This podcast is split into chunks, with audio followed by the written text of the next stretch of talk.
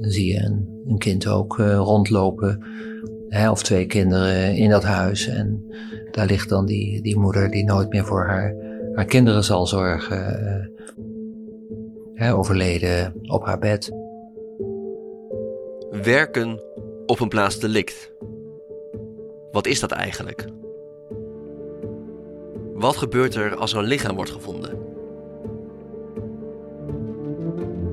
We hebben ooit een keertje gehad een, een vrouwtje die was van een trap gevallen en het was zo duidelijk. Het was 100% duidelijk.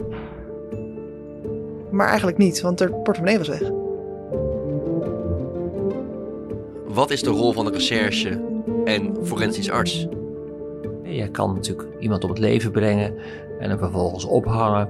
En uh, dan lijkt het alsof iemand zich verhangen heeft. Maar je kunt dus nooit van tevoren zeggen bij een verhanging van het is een zelfdoding geweest. Dat is een conclusie die je pas aan het eind trekt. Hoe ingewikkeld, mooi of verdrietig is het werk? Droom jij wel eens over, over je werk of over dingen die je meegemaakt? Ja. Ja, zeker. Dat gebeurt wel eens.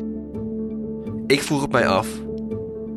En je hoort het allemaal in Vrolijk op het plaats delict. We zijn aangekomen. Um, we zijn gekleed in witte pakken. Ja. Onze mutsen op, schoenen aan, een mondkapje voor. Um, de grensopsporing is nu eerst naar binnen. Die maken allereerst uh, foto's. Um, en zodoende kunnen wij dan aansluiten om uh, mee te kijken.